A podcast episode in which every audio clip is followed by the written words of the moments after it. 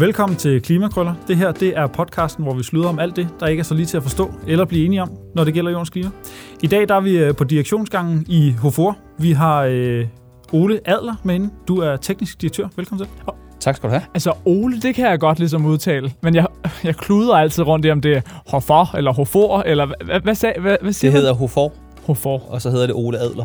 Ja, ja, perfekt. Og sådan husker jeg det præcis, som at det var det, jeg sagde. Nå, i virkeligheden så øh, har jeg et mere interessant spørgsmål, end jeg også. Ole, I i øh, Hofor, I er øh, i fuld gang med at gøre vores samfund klar til det, som vi forudser i, øh, i de kommende år. Altså, I er ved at tilpasse vores, øh, vores samfund til ekstraordinære regnskyld og, og vejr. Vil du ikke fortælle noget om, hvorfor er det vigtigt? Jamen den skade, man allerede nu har set, som øh, befolkningen har lavet på klimaet, det tager jo lang tid, øh, før at vi kan udbedre det. Øh, det arbejder vi med CO2-besparelser, men vi oplever allerede i dag, at vi ser kraftigere og kraftigere regn. Og det vil sige, det man tidligere så som en kraftig regn en gang hver 20. 30. år, det oplever vi nogle gange flere gange om året. Øh, tilbage i 2011, der oplevede man det nok for alvor i København, hvor man oversvømmede stort set hele København. Det, der faldt det, der hed en 1000 årshændelse. Det vil sige en regnhændelse, der kun skulle ske en gang hver 1000 år. Den kostede 7 milliarder af skader. Problemet var bare, at vi så den også i 14. Vi har også set den i 16. Så vi ser den oftere og oftere. Og det vil jo sige, at det kan jo ikke hjælpe noget, vi venter på, at vi får forebygget. Vi er nødt til at tilpasse os også den skade, der allerede er sket. Og det er det, vi gør med klimatilpasning.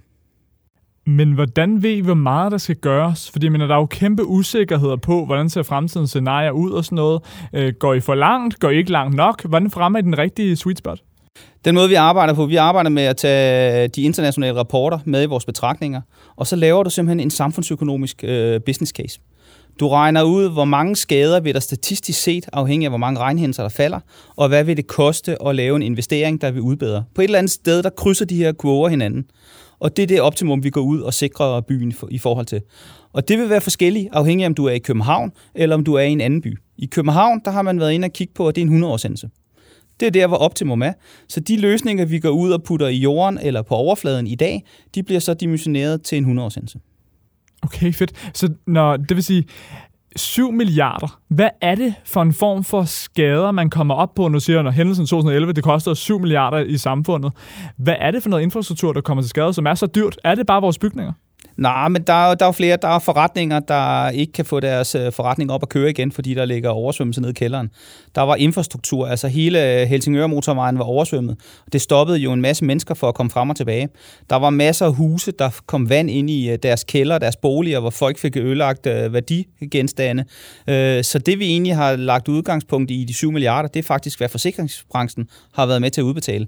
Derudover er der alle de økonomiske gener, som alle de folk, der har siddet og ikke i et par dage kunne komme frem og tilbage i trafikken, de kommer ud over.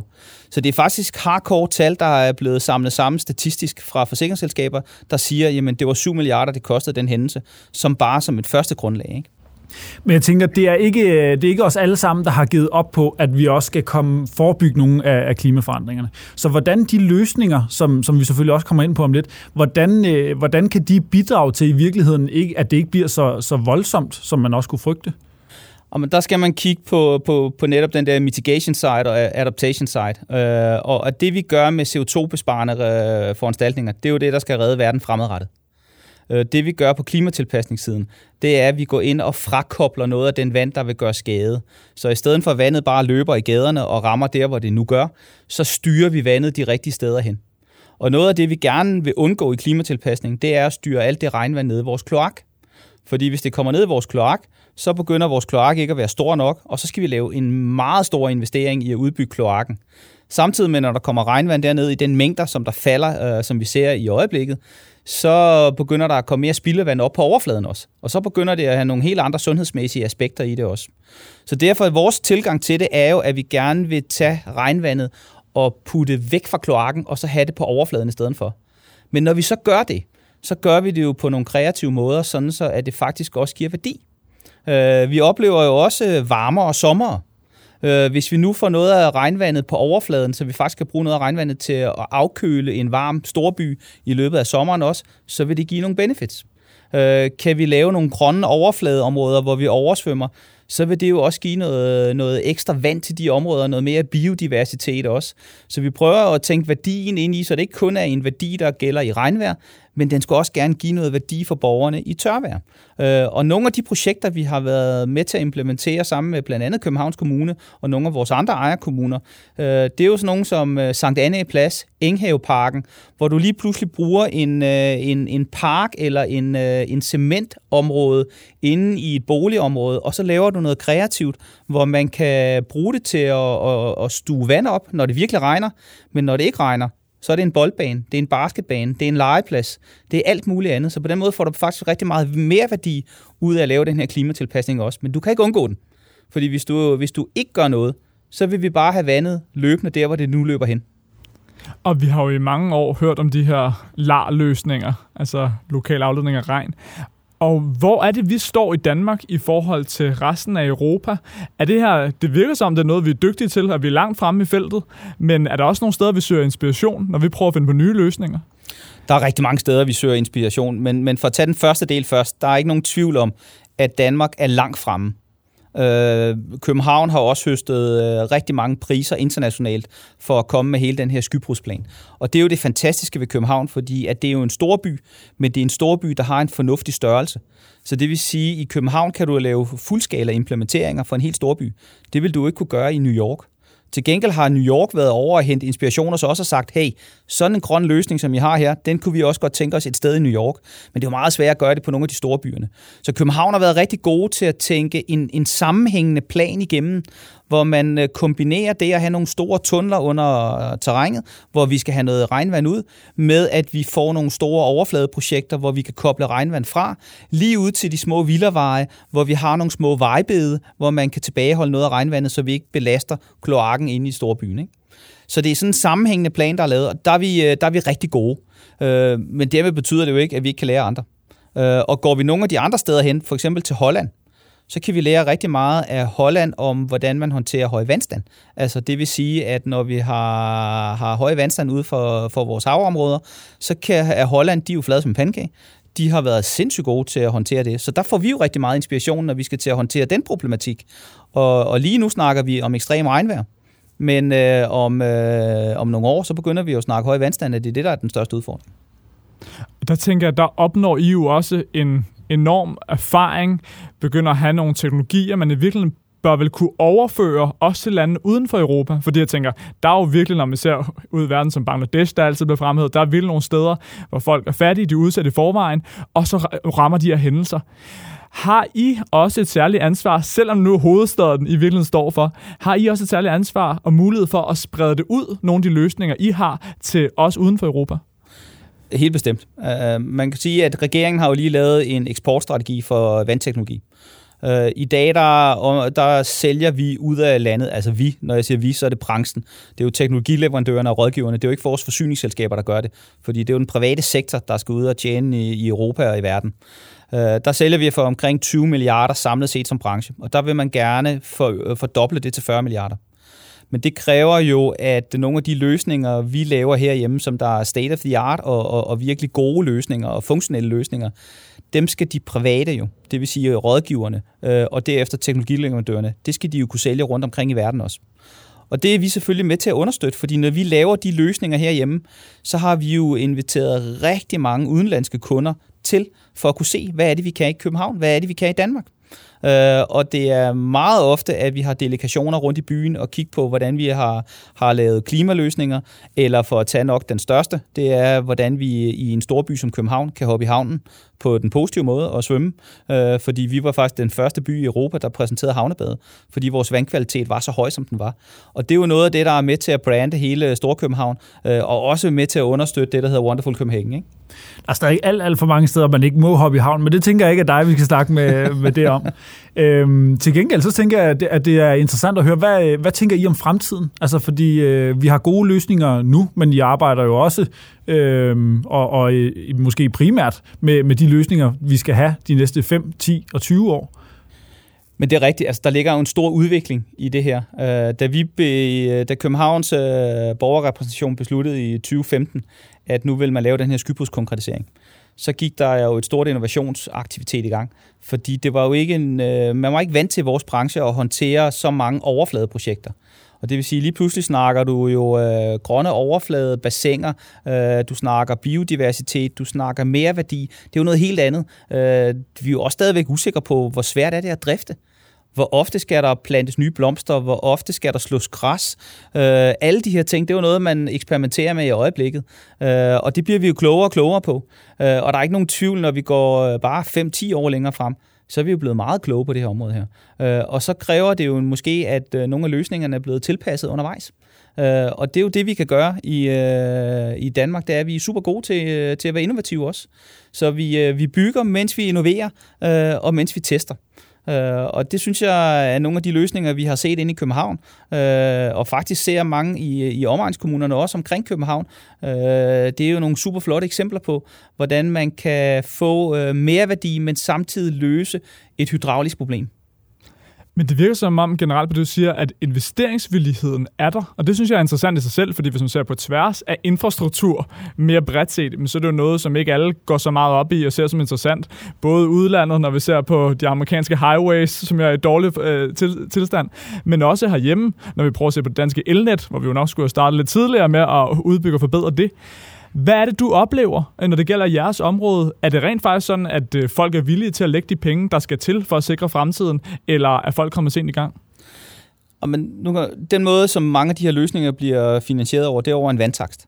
Det vil sige, det er jo dig og mig, der betaler den, når vi bruger vand derhjemme, så betaler vi vores vandregning, og via den vandregning betaler du også for klimatilpasning og spildevandsrensning osv. Øhm, og jeg tror, hvis du spørger de fleste mennesker, så, så er der ikke nogen, der synes, det er sjovt at have vand i kælderen. Der er heller ikke nogen, der synes, det er sjovt, når man trækker i snoren, at tingene ikke forsvinder. Eller når man åbner vandhanen, der ikke kommer vand ud.